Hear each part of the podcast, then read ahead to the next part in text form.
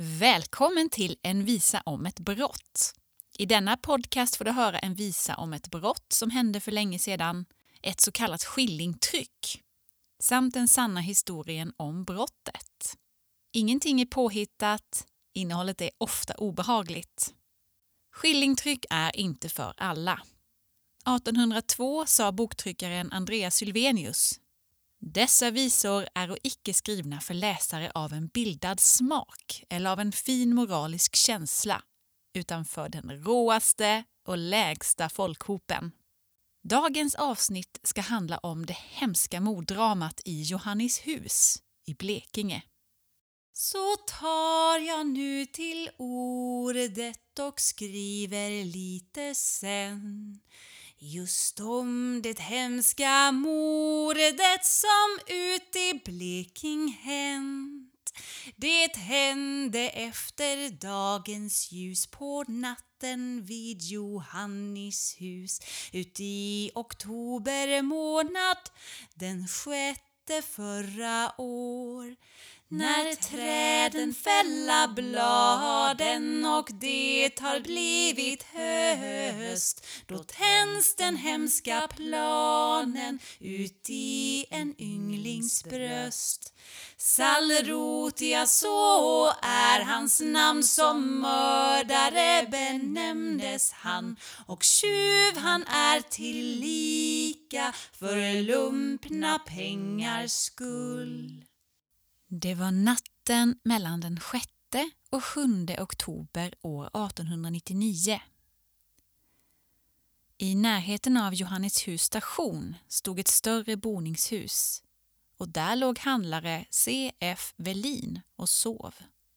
Vid eh, tvåtiden på natten mellan fredag och lördag väcktes Velins och folket i hans hus av den 20 år gamle Theodor Sallroth med uppgift att det är bråk på Johannishus station. Sallroth var sårad och nedblodad. Han berättade att en bokhållare Larsson från Karlskrona hade skurit Sallroth och höll just nu på att slå ihjäl hans kollega och vän Ernst Cederberg. Handlare Velin skyndade upp och frågade Sallroth var Cederberg var men fick endast otydliga och motsägande uppgifter. Då de tillsammans kom till stationen vore dörrarna låsta varför de gingo in genom ett sönderslaget fönster. På stationen var allt i oordning en lampa stod utan fot eller glas och brann samt tändsticksasken därvid var nedsölad med blod. På bordet stod två dricksglas. Ett kassaskåp stod öppet och det var blod överallt. Velins hund började skälla varför de gingo över till hans och funno där Cederberg död. Velin frågade då Sallroth, hur hänger detta ihop? Ni säger att Cederberg och Larsson slåss och vet inte var Cederberg finns och när vi anträffar honom några minuter senare är han död, kall och stel. Varpå Sallrot endast svarade Det var en olycklig dag, en olycklig dag. Jag har blivit förledd hela dagen. Theodor Sallrot föddes år 1879 som det tredje av fyra barn till Lars Persson Sallrot och hans 15 år äldre fru Bengta. Familjen etablerade sig i Fjälkinge i Skåne där Theodors far startade handelsbord. Med tiden blev hemmet tämligen förmöget. Familjen tillhörde baptistförsamlingen och religion var en viktig del i hemmet Sallrot. Vid 17 års ålder sökte och antogs Theodor Sallroth som elev vid Mellersta Blekinge järnväg. Efter två år som lärling gick han vidare och blev stationsskrivare vid Bredåkra Tingsryds järnväg. Hans första lön blev 50 kronor i månaden och den höjdes senare till 62 kronor och 50 öre vilket inte var mycket. Särskilt inte för den som var van vid försörjning från ett relativt förmöget hem. Theodor bodde vid den här tiden i staden Ronneby där han levde ett utåtriktat liv och eftersom han var modeintresserad spenderade han pengar på de senaste kläderna och snart blev pengar ett problem för Theodor Sallroth. En gång när Theodor var ensam på stationen upptäckte han pengar i ett kuvert adresserat till trafikchefen de 361 kronor som fanns i kuvertet stoppade han i egen ficka. När stölden uppdagades anmäldes den till kronolänsman Oskar Waldau i Ronneby som trots många och långa förhör med de anställda inte kunde klara upp stölden. Unge Sallroth teg. Han spelade med och klarade sig undan upptäckt. Stämningen på stationen i Bredåkra blev snabbt förgiftad eftersom de anställda misstänkte varandra. En tid därefter stal han ytterligare 251 kronor från stationen och inte heller denna stöld klarades upp. De verkligt stora problemen uppstod när Theodor Sallroth i början av september 1899 gjorde en åtta dagar lång lustresa till Köpenhamn och Berlin. Han hade fått pengar till resan av sin pappa, men han hade också tagit lån. Vid sidan om sålde Theodor privatförsäkringar åt ett försäkringsbolag. Och nu sköt han på redovisningen av sålda försäkringar och lånade av kundernas pengar till resa och uppehälle. Väl hemma hade han dragit på sig flera hundra kronor i skulder. Kort efter ledigheten förflyttades Theodor från järnvägsstationen i Bredåkra till stationen i Johannishus.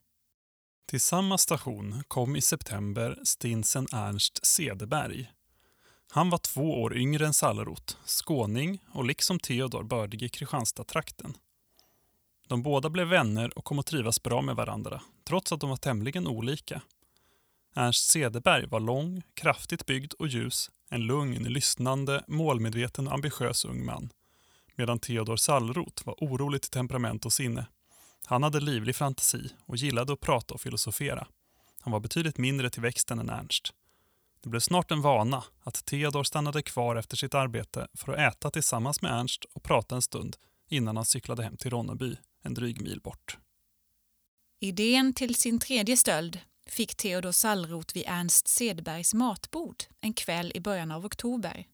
Cederberg nämnde att han senare under veckan, förmodligen på fredagen, skulle få in månadsremissan och det väntade beloppet borde uppgå till närmare tusen kronor. Under kommande dagar mognade planen. Kosta vad det kosta ville.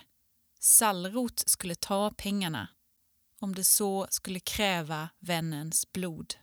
På morgonen fredagen den 6 oktober 1899 köpte Theodor Sallroth patroner till sin revolver.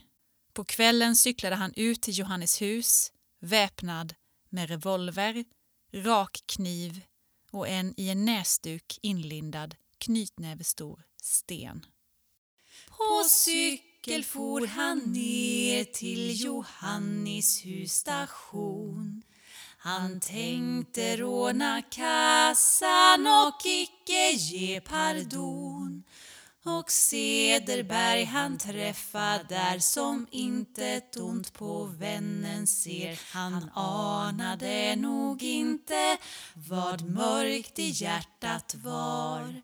När de i vänskap suttit en stund och talats vid tar Sallrot upp sin näsduk med en stor sten uti han mot sitt offer slungar den med skrik och faller i sin säng men Sallrot dit och hastar och flera slag han ger. Klockan halv tio på kvällen åkte han på velociped ut till Johanneshus. Han ställde velocipeden vid Hjortberga kyrka. Detta för att undgå upptäckt. Klockan fattades 20 minuter i elva då han kom in till Cederberg som då satt och skrev.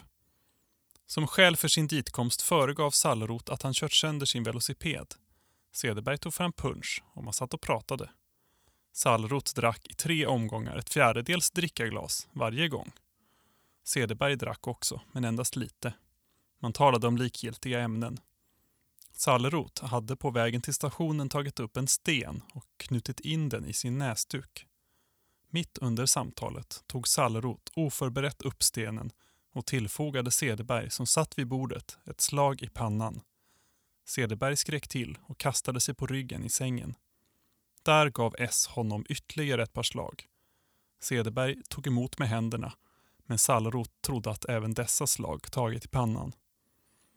Nu reste sig Cederberg upp och gick emot Sallroth som då tog upp rakkniven och skar honom i halsen.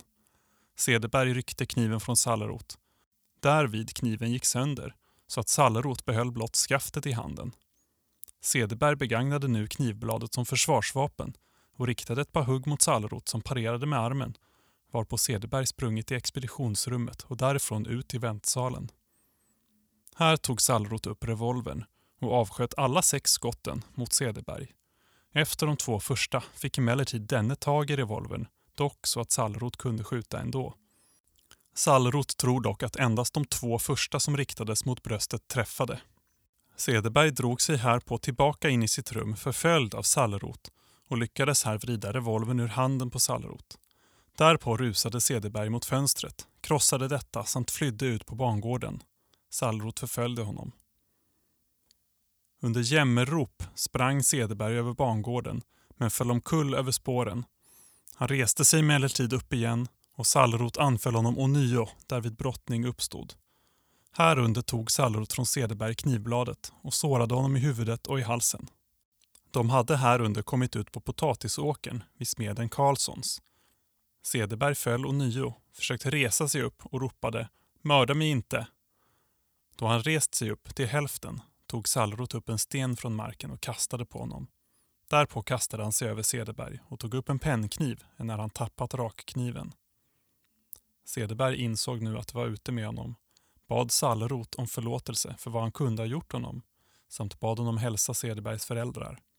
Sallroth skar honom nu i halsen med pennkniven varpå han reste sig upp, kastade kniven i en brunn och sprang in genom fönstret i Cederbergs rum.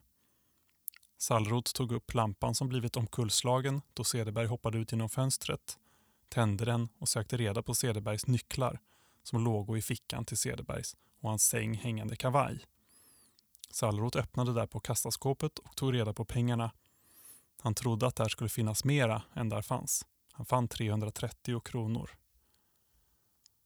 Han hade nu tänkt begiva sig på flykten men kom att tänka på att han var sårad och att detta därför ej vore lämpligt. Han hittade därför på historien om Larsson. Han gick nu ut och lyste på marken med tändstickor för att söka reda på kniven och revolvern. Därvid såg han Cederberg och märkte att han var död.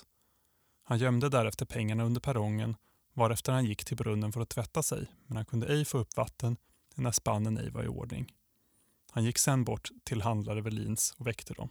Han blev insläppt, fick såren avtvättade och berättade den uppdiktade historien om Larsson.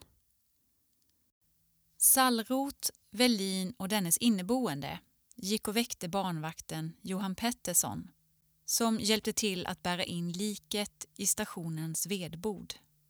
Velin ordnade skjuts för Sallrot tillbaka till Ronneby och i förbifarten besöktes kommissarie Karl Haldin för att anmäla händelsen.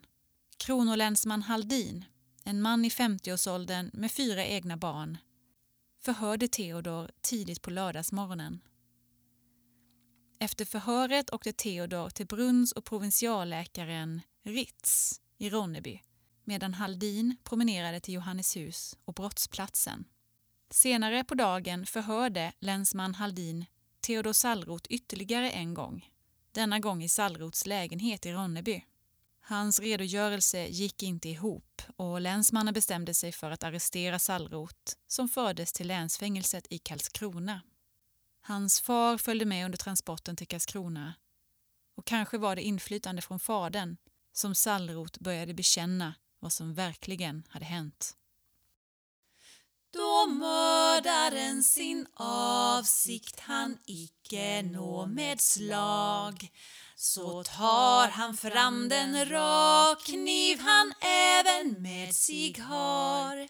Ett stort sår han i halsen skar på offret som nu kniven tar. Han kämpade för livet som varen även gjort och Cederberg han flydde nu till väntsalen ut men mördaren ej skydde på dramat göra slut. Revolven han nu tager fram och flera skott avlossar han mot offret som nu frågar Varför slår du mig? Under de närmaste dagarna gick det att läsa om morddramat i Johanneshus i hela landet. Skribenterna diskuterade, ofta välinformerat, om hur händelserna gått till. En skribent var på plats och rapporterade direkt ifrån vedboden där liket låg. Vid meddelarens besök på platsen idag låg liket inlagt i en vedbod. Huvudet var nästan avskilt genom knivhugget och för övrigt ohyggligt tilltygat. Men det fanns också tidningsartiklar som oroat pekade på den citat, ökade brottsligheten. Vi läser delar av en sån artikel från Smålandsposten den 12 oktober 1899. Brott och uppfostran. Överallt i Sveriges bygder läser man nu dag för dag de förfärande skildringarna om mordet på den unge stationsföreståndaren och Johannishus. Denna ogärning har helt naturligt lett tanken på den mängd andra upprörande brott som på senare tider förövats vårt land och som föranlett en norrman till det i en nordsvensk tidning framkomna lika oförsynta som orättfärdiga uttalandet att svensken är lika som hans självfrände italienaren född ogärningsman. Det är nog illa som det är utan att hela svenska nationen behöver tagas för huvudet därför. Emellertid har man inom pressen frågat sig hur bot ska kunna rådas för en sådan urartning som den varom dessa illgärningar vittna och man är strax färdig med att blott ropa på en än mera vidgad folkupplysning. Det vill förmodligen säga mera läsning för alla. Jo, kunskaper är och utom all fråga mycket goda ting och så högt som vårt folkskoleväsende och våra andra läroanstalter nu stå lär ingen med fog kunna påstå att icke Sveriges ungdom för närvarande väl undervisas. Förövaren av dådet vid Johanneshus var och utgången från ett förmöget och aktat hem där helt säkert ingenting efterlåtits i fråga om hans skolbildning. Hur blev han då den vilde mördaren?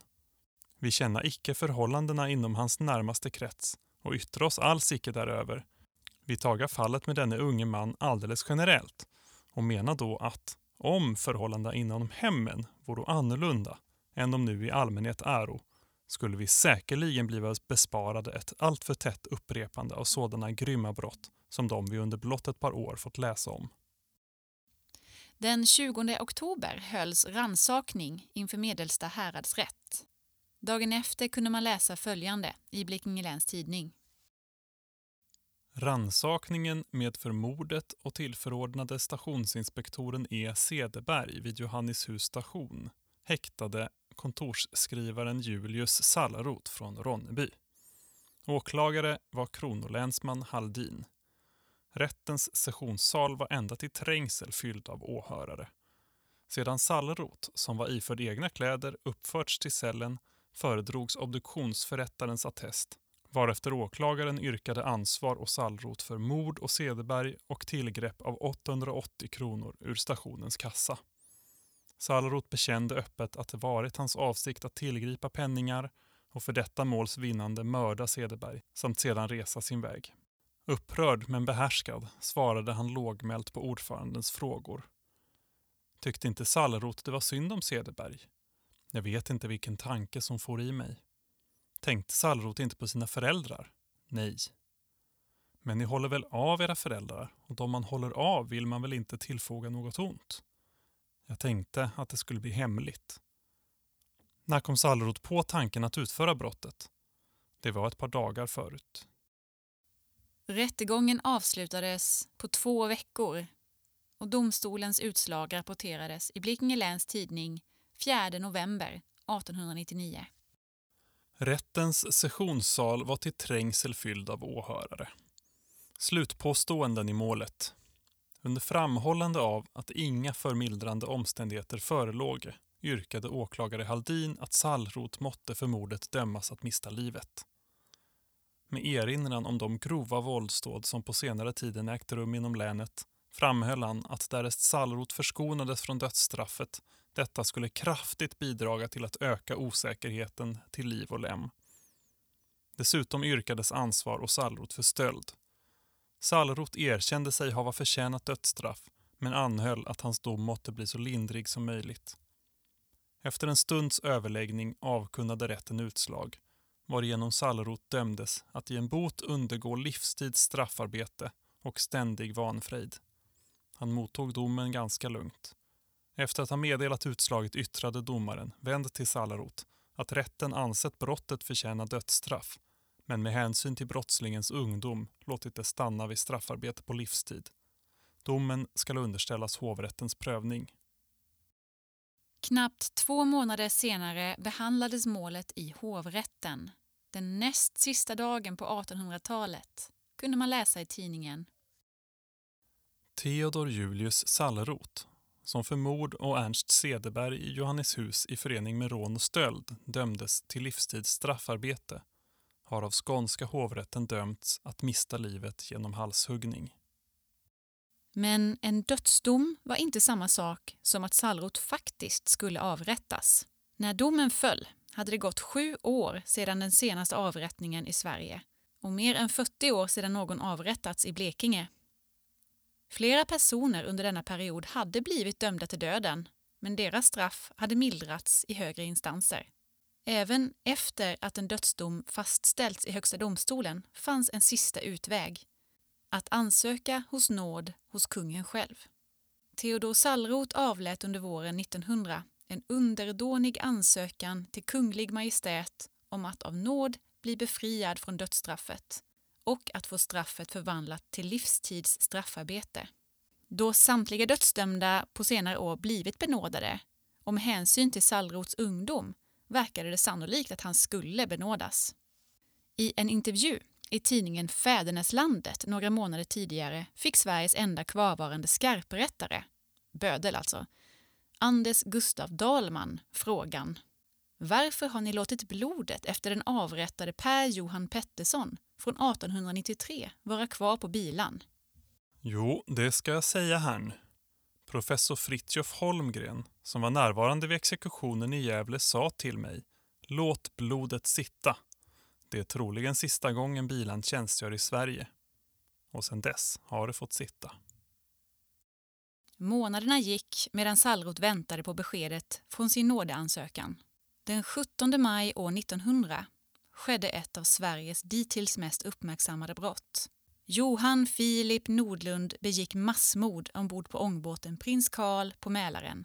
När Kunglig Majestät kort därefter behandlade Sallroths nådeansökan befann sig kung Oscar II utomlands och beslutet undertecknades i hans frånvaro av kronprins Gustav, sedermera Gustav V.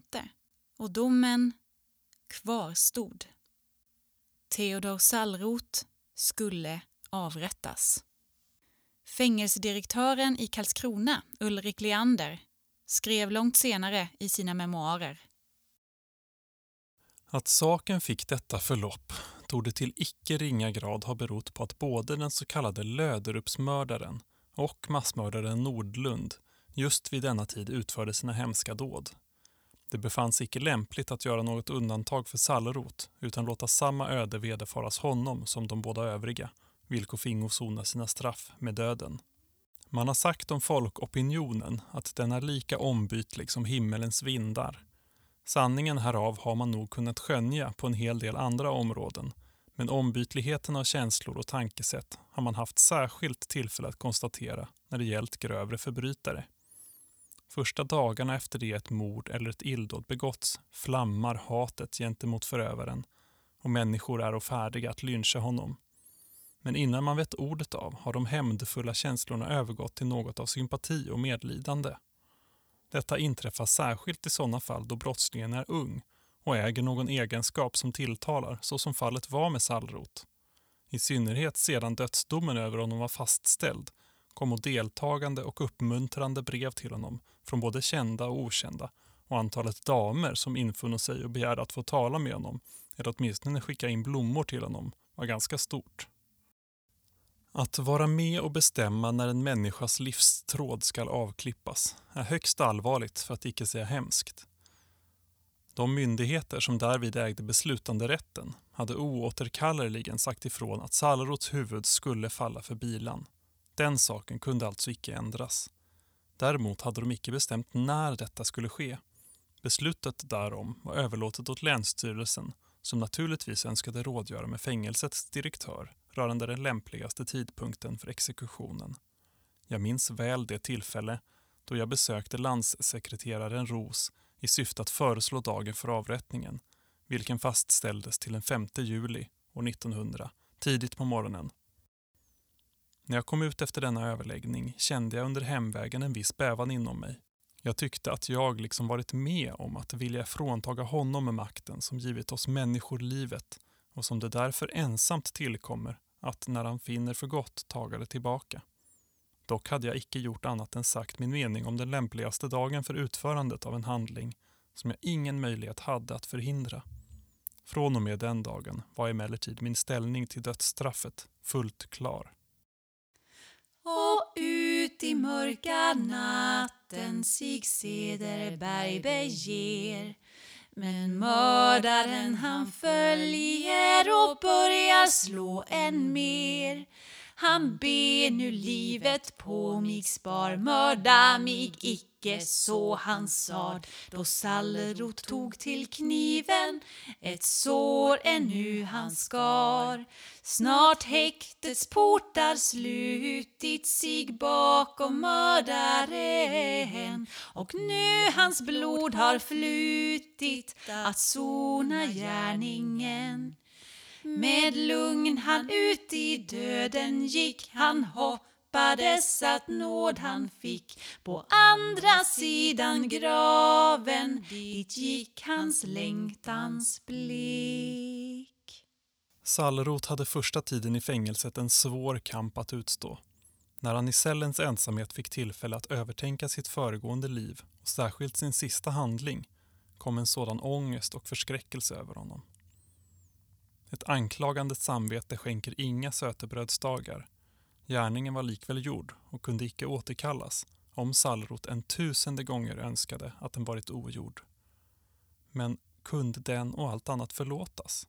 Ja, genom att flitigt läsa i Bibeln, som Salrot studerade i sin barndom, men som sen för honom varit en glömd och försummad bok, vågade han efterhand tro att Guds nåd var tillräcklig för att avplåna även hans svåra synd och skuld den erhållna vissheten därom tillförde honom lugn och samvetsfrid och därefter motsåg han med en förunderlig frimodighet den dag då den dödsdom som svävade över hans huvud skulle gå i verkställighet. Under sin tid i fängelset skrev Sallroth flera brev. Ett av dem finns bevarat på Sveriges fängelsemuseum. Karlskrona, juli 1900. H. Herr sergeant P. Kristensson Syndens lön är döden, Guds gåva är evigt liv i Kristus, Jesus vår Herre.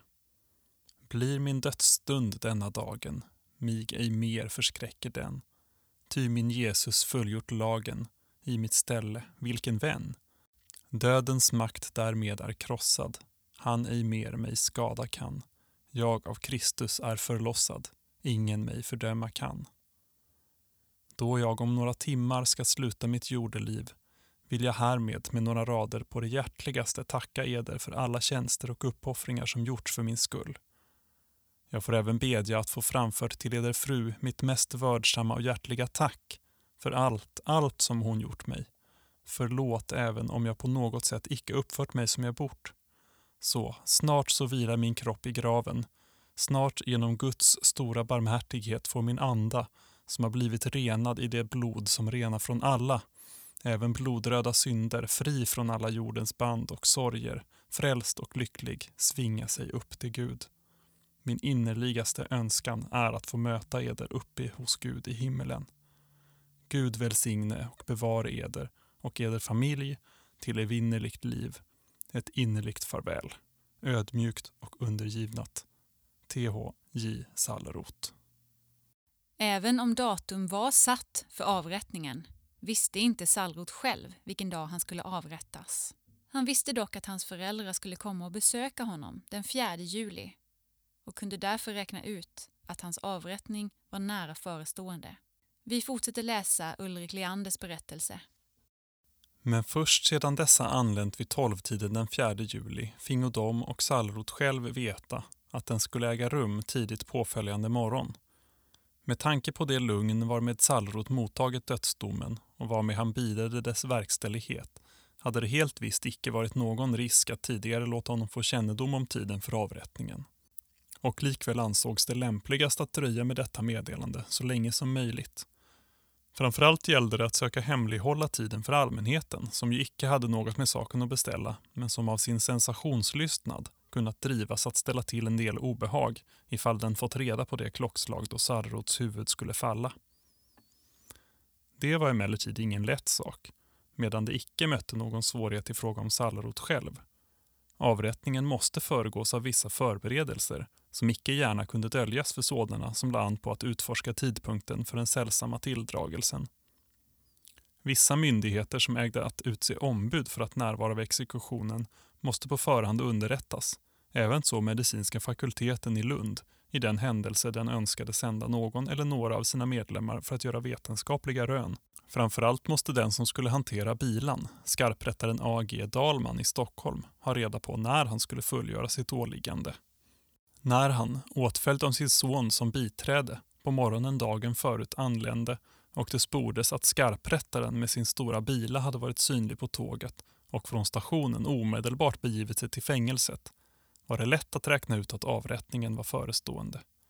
Redan dessförinnan hade emellertid Sallerot i folkfantasin upprepade gånger mistat huvudet.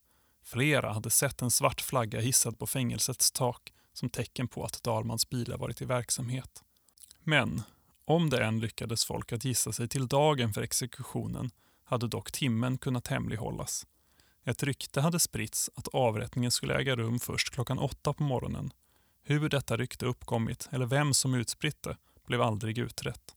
Att anställa några efterforskningar därom ansågs från fängelseförvaltningens sida överflödigt, enär den som satt ryktet i omlopp därigenom gjort denna en god tjänst.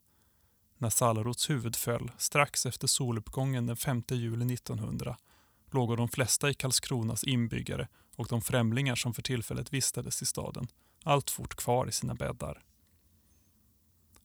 Allt skedde sålunda i tysthet. Inga andra vore närvarande än de som pliktskyldigast infunnit sig. Länsstyrelsen representerades av dåvarande länsnotarien H. Petersen som före avrättningen uppläste Kunglig Majestäts utslag i målet samt av nuvarande landssekreteraren J. Fröberg, då extra länsnotarie, som förde protokollet. Magistraten och stadsfullmäktige i Karlskrona hade sänt varsitt ombud har jämte tvenne läkare från Lund och tvenne journalister från staden infunnit sig. Dessutom hade naturligtvis fängelsets funktionärer rätt mangrant kommit till städes. Sallerots föräldrar vore kvar hos sonen hela eftermiddagen, dagen före hans död. Att avskedet vid sjutiden på aftonen var gripande och känsligt behöver icke sägas. Natten föreflöt därefter i stillhet och lugn för Sallerots vidkommande. Vi andra vore säkerligen betydligt mer oroliga än han. Ett par timmar på kvällen var dåvarande fängelsepredikanten, sedermera kyrkoherden Nils Thorén, inne hos honom i cellen. Därefter stannade jag kvar hos honom den återstående delen av natten. Mellan klockan 12 och 3 sov han ganska gott, så som det föreföll, och skulle antagligen ha sovit ännu längre om jag icke väckt honom. Stunden för uppbrottet började nämligen nalkas och han behövde tid för att hålla sin sista morgonbön och i övrigt göra sig redo. Nere på fängelsegården var allt i ordning ställt. Schavotten bestod av några plankor som vilade på ditförd sand och tjänstgjorde som golv. Ovanpå detta var i ena ändan själva stupstocken, eller huvudstycket, placerat. Dalman hade själv låtit tillverka detta i Stockholm och förde det med sig. När de som hade att övervara avrättningen i den tidiga morgonstunden samlats nere på fängelsegården och Kunglig Majestäts utslag blivit uppläst förde Sallroth ut ur sin cell. Man märkte att han var blek, men någon särskild oro la han ej i dagen utan bibehöll sitt vanliga lugn.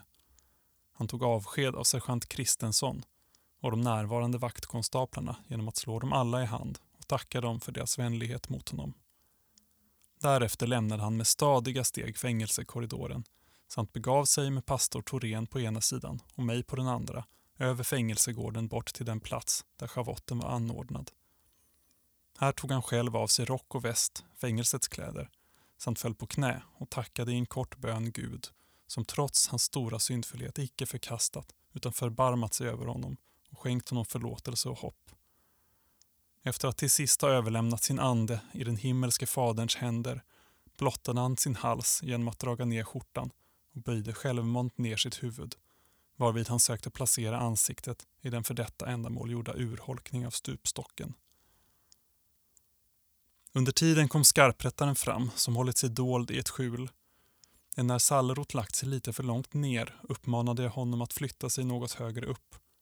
Då hans skjorta därvid kom att glida upp på halsen vek jag ner denna och fattade honom i skuldrorna för att hjälpa honom i rätt läge. När jag sen lyfte upp ögonen såg jag den blankslipade bilan med den långa äggen blänka i solskenet och i detsamma föll hugget, som ens skiljde huvudet från bålen. Ingen hade väntat att det skulle försiggå med sådan hast och säkerligen blev proceduren för Sallerot själv betydligt kortare och man skulle kanske kunna säga enklare än vad han föreställt sig. Några sekunder efter hugget såg man läpparna ännu röra sig, liksom fortsatte de med den bön som säkerligen gick över dem i det ögonblick då Sallerot passerade gränsen emellan timlighetens och evighetens värld. När Dalman fullgjort sitt uppdrag stod han en stund alldeles orörlig och såg uppåt. Efter att därpå ha satt ifrån sig bilan syntes han vända sig bort och med sin näsduk torka bort de tårar som banat sig nerför hans kinder. Han hördes även yttra något om att det ändå var synd att behöva förkorta en så ung och undergiven människas dagar. Sedan han lyckats bli herre över sina känslor vände han sig till mig och sade, dock fortfarande synbarligen rörd. Tänk om det varit min egen son som behövt gå ett dylikt öde till mötes. Yrket hade icke gjort Dalman känslolös utan han visade sig istället ganska vek om hjärtat. Efter att de båda läkarna från Lund hade obducerat kroppen och tillvaratagit vissa delar för vetenskapliga ändamål erbjöd sig deras vaktmästare, Cato, att ombesörja klädseln av den döde. Sedan han fått hjälp att placera liket i kistan fullgjorde han sitt uppdrag så citat, att ingen som till äventyrs varit okunnig om dödssättet skulle vid åsynen av den döde kunnat märka annat än att han dött en naturlig död. Efter att omsorgsfullt ha tvättat bort blodet sydde han med några stygn fast huvudet vid bålen. Vid tiotiden på förmiddagen blev Sallroth jordfäst i gravkapellet på Drottninggatan av fängelsets predikant. När liket fördes från fängelset till kapellet var ganska mycket folk i rörelse och kantade gatorna. Allt gick dock lugnt till. Efter jordfästningen fördes kistan direkt till en järnvägsvagn som skulle transportera liket till Fjälkinge. Sallrots föräldrar följde med tåget och under hela vägen flaggades det halv stång vid stationerna.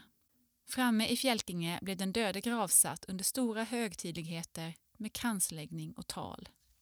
Dödsstraffet i fredstid avskaffades i Sverige år 1921.